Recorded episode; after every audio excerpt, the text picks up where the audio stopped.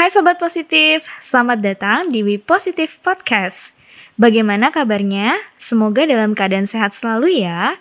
Mungkin saat ini Sobat Positif sedang mendengarkan podcast ini dari rumah, atau dari tempat kerja, atau bahkan sedang dalam perjalanan menuju suatu tempat. Namun, di mana pun Sobat Positif berada, tetap ikuti acara ini sampai akhir. Nah, Sobat Positif, kira-kira hari ini kita akan membahas topik apa ya? Mari kita ikuti We Positive Podcast hari ini. Selamat mendengarkan.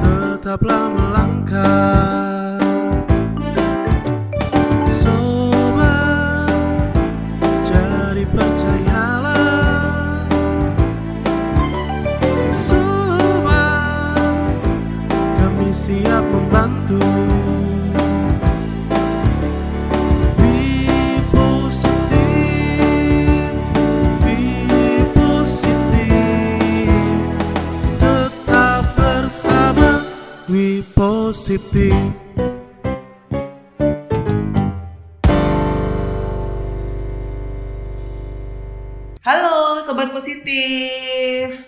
Wah senang sekali hari ini kita ketemu lagi dalam suatu pembahasan yang sangat menarik. Ya, hari ini kita kedatangan satu tamu yang spesial. Ya, Beliau adalah Head of School dari Sekolah Citra Kasih Manado Kita sambut Miss Meliana Siburian Halo Miss Meliana Halo Miss Laurin. Wah apa kabar Miss? Kabar baik. Waduh, luar biasa ya, Miss. Ya, hari hari ini kan kita ya diperhadapkan dengan pandemi ya. Jadi orang tua, kita juga sebagai guru itu benar-benar merasa eh, sangat sibuk begitu ya. Apalagi mama-mama, papa-papa, ya pasti mereka juga sangat sibuk akhir-akhir ini. Sehingga dengan kesibukan itu kadang-kadang kita lupa untuk mengekspresikan bahasa kasih kita, Miss ya. Mungkin eh, topik kita pada hari ini ada kaitannya dengan hal tersebut ya. Eh, pembicaraan kita pada hari ini apa ya, Miss ya? Ya, hari ini kita akan membahas tentang bahasa kasih. Oh, bahasa kasih.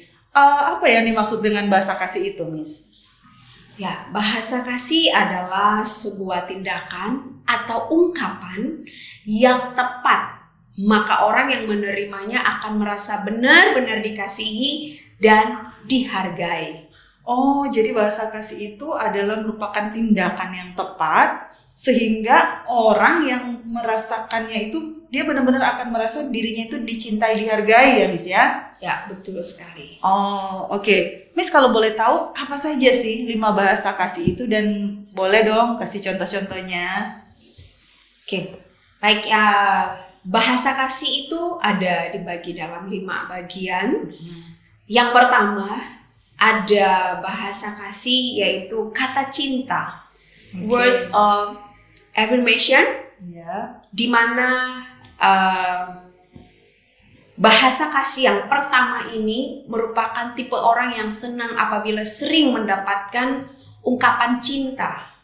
Oh, oke. Ya, ungkapan cinta dari orang-orang di sekitarnya itu bisa berupa ungkapan, bisa berupa puisi, bisa berupa pujian, sesuatu yang bisa disampaikan dengan kata-kata. Oh. Karena semua uh, orang yang punya bahasa kasih dengan kata ini senang untuk dipuji dan senang mendapatkan support dari orang di sekitarnya.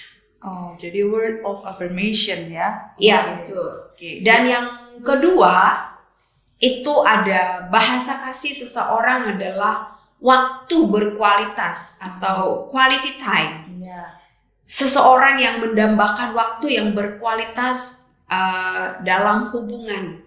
Jadi baik itu terhadap uh, pasangan, terhadap anak, terhadap teman, menginginkan ada satu quality time yang sangat baik di mana dia bisa merasakan kehadiran orang lain uh, seperti uh, spare waktu menyediakan waktu untuk uh, berbicara, mungkin untuk ada kepergi ke, ke satu tempat uh, dengan seseorang yang dekat dengan kita dan benar-benar memberikan waktu yang berkualitas dalam kebersamaan itu. Itu adalah dari uh, orang yang bahasa kasihnya adalah uh, quality time. Quality time. Iya. Oke. Dan hal yang ketiga, bahasa kasih yang ketiga, ada bahasa kasih seseorang itu adalah menerima hadiah, Oh. receiving gifts. Jadi kalau dia dapat sesuatu, eh, dia merasa bahwa saya nih disayang loh, saya diperhatikan loh. Dia bisa merasakan bahwa seseorang itu memperhatikan dia eh, apabila orang lain bisa memberikan sesuatu kepada dia. Oh. Jadi untuk orang tua yang mungkin punya anak yang bahasa kasihnya itu adalah eh, menerima hadiah, kita boleh mempersiapkan sesuatu yang anak-anak suka, anak-anak senang gitu ya. Iya. Eh, dia mendapatkan sesuatu yang menurut dia itu berharga sekalipun itu adalah ah, hal kecil gitu Iya. ya.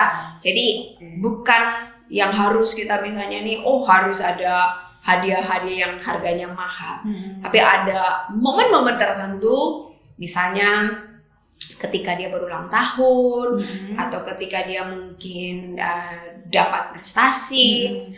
atau ada sesuatu yang sudah dia lakukan dan kita ingin memberikan apresiasi kepada dia, kita bisa memberikan uh, berupa hadiah yang kita sudah persiapkan buat dia dan itu dia akan merasa wah mami saya sayang sama saya, papa sayang sama saya atau teman saya sayang sama saya, saya diperhatikan dengan dia memberikan sesuatu kepada saya itu sangat berharga sekali. Wah. Mungkin kalau orang tua memberikan perhatian terhadap anaknya yang masih usia anak TK misalnya nih ya, Hmm. memberikan seperti puzzle misalnya atau pensil yang uh, lucu-lucu gitu ya, atau hadiah-hadiah kecil-kecil, tapi dia merasa diperhatikan dan dia Hmm. merasa bahwa saya ini anak yang dikasih, anak yang disayang dan tepat sasaran ketika kita memberikan dengan uh, gift. Oke. Dan hal yang keempat, Miss Laurin masih ada lagi bahasa kasih yaitu melayani. Oh, melayani. Ya, Oke. acts of service.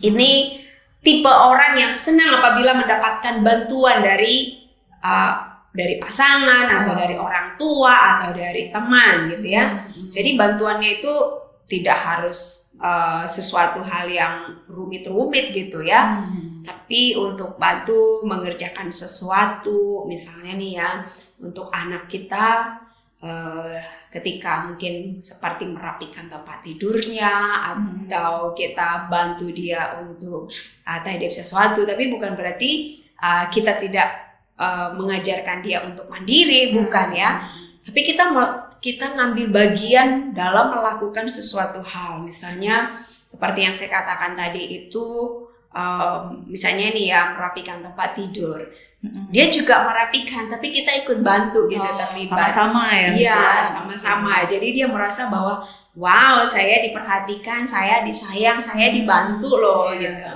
Ketika dia uh, mendapatkan satu kesulitan dan kita bertanya apa yang bisa mami lakukan untuk kamu atau temannya berkata apa yang bisa saya bantu untuk kamu. Nah itu itu orang yang bahasa kasihnya itu uh, acts of service itu pasti merasa waduh teman saya peduli ya sama saya Oh, iya. mami saya ada loh ketika saya nggak bisa ini uh, dia bantu saya ajarin saya Hmm. kita benar-benar hadir dan itu sangat uh, sangat sangat berharga sekali buat orang yang bahasa kasihnya adalah uh, di melayani Of ini service. Oh iya. iya acts of service Saya ya. ingat, Miss. eh, anak saya itu dia kan sekarang PJJ. Jadi dia merasa sangat dihargai saat dia mengalami kesulitan membuat PR. Jadi kalau misalnya maminya ada di rumah, nah dia pasti datang tuh. Boleh nggak, eh, tahu nggak, ngerti nggak ini, bisa nggak bantu? Nah apakah begitu juga termasuk act of service, Miss? Kita bantu mereka untuk eh, menjelaskan PR-nya. Apakah juga itu bagian dari act of service, Miss? Ya, di saat dia ada mengalami satu uh, kesulitan, tapi bukan untuk hal-hal yang dilakukan dalam uh, kepentingan untuk yang sekolah. Uh, sekali lagi saya teka- tekankan, bukan berarti kita tidak melatih untuk dia mandiri, tapi untuk hal tertentu yang memang dia uh, needs help, itu Mm-mm. kita hadir dan benar-benar membantu, itu akan sangat uh, dia rasakan bahwa kita memang peduli dan sayang sama dia. Oh, Tapi bukan berarti memanjakan ya, Miss. iya. Oh ya, Miss. Masih ada Oke. satu Oh, hal, ada satu iya. bahasa kasih lagi, Iya. yaitu uh, sentuhan fisik. Oh, sentuhan Ya, fisik. physical touch itu ini kategori bagi orang yang uh, merasakan bahwa dia disayang seseorang itu ketika uh, ada satu perhatian khusus yang kita berikan, kita boleh menyentuh dia. Oh, oke. Misalnya seorang anak itu berjalan bersama dengan ayah, Mm-mm. tangannya digandeng gitu Oh, atau iya, iya. maminya. Atau mungkin pada saat kita memberikan pujian kepada dia untuk menyatakan bahwa kita bangga sama dia, Mm-mm. kita bisa tepuk pundaknya atau kasih Hmm. sayang dari seorang ibu mungkin bisa dielus kepalanya. Mami bangga sama kamu, kamu hebat loh. Kamu hari ini berhasil melakukan ini dan Hmm. anak akan merasakan bahwa wow, saya disayang. Dan saya rasa ini banyak juga eh, dimiliki seorang putri begitu ya. Hmm. Bagaimana dia bisa merasakan kasih sayang dari seorang ayah ketika ayahnya menyatakan bahwa wah hari ini kamu hebat, kamu Hmm. bisa melakukan ini dengan kita menepuk pundaknya. Hmm. Atau bisa juga ketika kita bersama-sama nih di rumah Oh. nonton bareng, kita juga bisa uh, dekatin dia, bisa bercanda bersama, Mm-mm. uh, kita bisa uh, senderan mungkin Hmm. gitu ya sambil pegang tengahnya, pegang pundaknya itu Mm-mm. untuk membahas tentang uh, movie yang misalnya kita tonton Mm. atau kita lagi bahas sesuatu. Jadi uh, diperlukan ada uh, sentuhan fisik Sentuhan. ya untuk bisa merasakan bahwa ini orang yang hadir di di di, di dalam hidup saya ini sayang sama saya Iya. gitu. Berarti ada anak-anak itu yang nggak cukup kalau kita cuma ngomong ya, Iya betul. harus disertai dengan tindakan nyata ya dari mami, Betul dari sekali. papi ya, sehingga mereka benar-benar merasa aduh bahagia sekali saya dibesarkan dalam keluarga ini, dalam kehidupan mami dan papi yang begitu menyayangi saya ya Miss ya. Wah ini menarik sekali ya Miss. Nah eh, saya juga ingin bertanya nih Miss ya, bagaimana jika seorang anak dia mau menunjukkan bahasa kasihnya itu kepada orang lain, mungkin kepada orang tua atau kepada teman. Ini bagaimana nih caranya? Iya. Untuk orang tua ataupun anak-anak eh, bisa menunjukkan bahasa kasih bahwa dia juga menyayangi orang lain, ya berarti kita harus melihat dari lima bahasa kasih ini orang yang akan kita tuju ini siapa, misalnya adik, kakak, atau mami, atau papi, atau teman, kita lihat eh, orang-orang tersebut yang ada di sekitar kita, bahasa kasihnya dia apa Ah, dari oh. lima bahasa kasih tadi. Oke. Jadi yang paling menonjol begitu Iya. ya, Mas ya? Oke. yang paling menonjol dalam hidupnya, eh, dalam kesehariannya dia Hmm. seperti apa dan kita pun akan melakukannya. Jadi bisa dikatakan seperti ini, Miss Lauren. Kalau orang tersebut, misalnya mami nih, lebih senang dia memuji. Misalnya dia Hmm. puji, wah nak kamu hari ini uh, sudah melakukan ini hebat loh, mami bangga, mami Hmm. senang sama kamu. Uh, sering yang terlihat dia mengatakan hal itu sekalipun mungkin belum menyadari bahasa kasih kita. Nah, untuk anak-anak atau orang tua bisa melihat bahasa orang yang kita tuju ini, lihatlah apa yang dia lakukan terhadap orang lain. Hmm. Biasanya itu adalah bahasa kasihnya dia. Iya, oh, Jadi oke. kalau kita ingin menunjukkan bahwa kita mengasihi orang tua, teman, Mm-mm. uh, perlakukanlah dia seperti uh, bagaimana dia juga memperlakukan orang lain. Biasanya Oh. itu adalah bahasa kasih dia. Itu yang sering muncul. Ada orang yang senang Oh. memuji, Oh. ada orang yang senang uh, melayani orang lain, Mm-mm. ada orang juga yang uh, senang kalau uh, apa senang memberikan hadiah kepada orang lain bentuk perhatiannya. Hmm. terus ada juga orang yang senang di, di ditemanin ada yang physical touch itu tadi Hmm. Nah, itu juga yang kita lakukan kepada dia. Jadi kita perlu mengenali bahasa kasih orang itu dan kita juga bisa melakukan tindakan bahasa kasih yang tepat sehingga uh, tidak salah begitu uh, actionnya kita sehingga saya katakan tadi itu adalah suatu tindakan atau ungkapan itu benar-benar orang itu bisa merasakan Hmm. karena memang itu bahasa kasihnya itu yang kita lakukan kepada orang tersebut. Karena kadangkala Miss Lauren kita sudah merasa mengasihi seseorang, Hmm. kita bertindak bahwa kita berkata saya sayang sama kamu, Hmm. tapi orang tersebut tidak merasakan bahwa kita mengasihi dia. Karena apa yang kita lakukan itu itu bukan bahasa Bahasa kasih kasihnya. Oh, Misalnya iya. nih, kita sering memuji-muji di orang ini. Kita, kita merasa karena mungkin itu tipe bahasa kasih kita, kita sering memuji padahal Hmm. orang yang bersangkutan ini bahasa kasihnya bukan di uh, Dipuji. pujian. Hmm. Jadi dia mungkin bisa saja berkata ah lebay begitu, Hmm. nggak suka gitu. Suka. Karena mungkin bahasa kasihnya dia misalnya eh, apa namanya acts of service misalnya Oh, dilayani iya. kan nggak match gitu. Jadi dia nggak merasa ah cuman ngomong aja nggak benar-benar sayang kalau sayang sama saya harusnya bantu Mana? saya dong Oh, begitu. iya. Nah itu Betul. itu hal yang perlu kita ketahui eh, gitu ketahui ya. dari orang yang yang ada di sekitar kita. Oke. Dan untuk hal ini cukup menguras uh, tenaga bagi kita masing-masing, emosi kita masing-masing juga ketika mungkin uh, tidak bisa mendarat dengan baik. Jadi teman-teman, uh, Bapak Ibu, siapa pun yang mendengarkan podcast ini, kita harus mengenali bahasa kasih orang tersebut dan kita sendiri pun perlu memiliki uh, tangki kasih Oh, iya. untuk bisa kita bagikan sama orang lain. Kita sendiri harus punya itu Oh, untuk kita benar. untuk kita bisa share Share kepada orang lain. Jadi Ya, tiap hari kita harus diisi terus dengan kasih itu ya. ya Mas, betul ya. sekali. Untuk kita bisa berbagi dengan orang lain. Wow, menarik sekali ya. Jadi boleh saya simpulkan bahwa bahasa kasih itu adalah tindakan yang tepat, yang nyata, sehingga orang yang kita berikan bahasa kasih itu, mereka akan merasakan bahwa mereka itu sangat dicintai, sangat dihargai ya. Dan eh, lima bahasa kasih yang sudah kita pelajari tadi dari Miss Meliana, yaitu words of affirmation, quality time, ada physical touch, terus receiving gift, dan juga act of service. Wah luar biasa ya. Jadi Bapak Ibu ya para parents yang ada, siswa-siswi yang kami cintai, ayo kita mulai mempraktekkan bahasa kasih ini dalam kehidupan kita setiap hari. Tetap semangat ya sobat positif di rumah dan mungkin ada sesuatu yang ingin Miss Meliana sampaikan.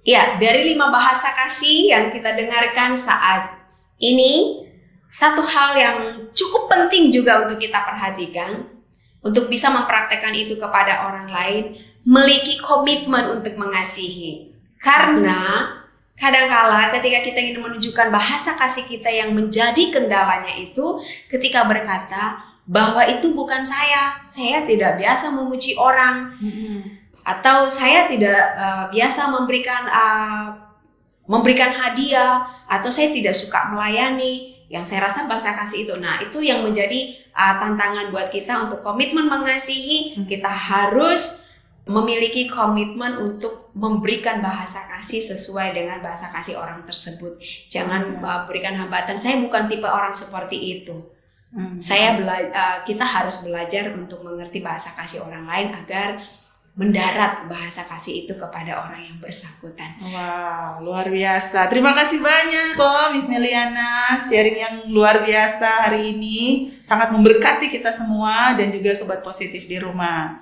Oke Sobat Positif, kita sudah mendengarkan We Positive Podcast hari ini. Semoga para Sobat Positif mendapatkan pengetahuan yang baru dan semakin membangun hal-hal positif dalam diri kita masing-masing. Terima kasih sudah mendengarkan dan tetap positif di mana pun kita berada. Sampai jumpa di We Positive Podcast kita selanjutnya. We are positive and we know that. Penerimaan siswa baru Sekolah Citra Kasih Sekolah Citra Berkat telah dibuka. Ayo segera daftarkan putra-putri Bapak Ibu ke Sekolah Citra Kasih Sekolah Citra Berkat yang ada di kota Bapak Ibu sekalian. Untuk info lebih lanjut mengenai link website Sekolah Citra Kasih dan Sekolah Citra Berkat dapat dilihat pada We Positive Podcast description di bawah ini. Salam Citra Trainers. Sobat, jadi percayalah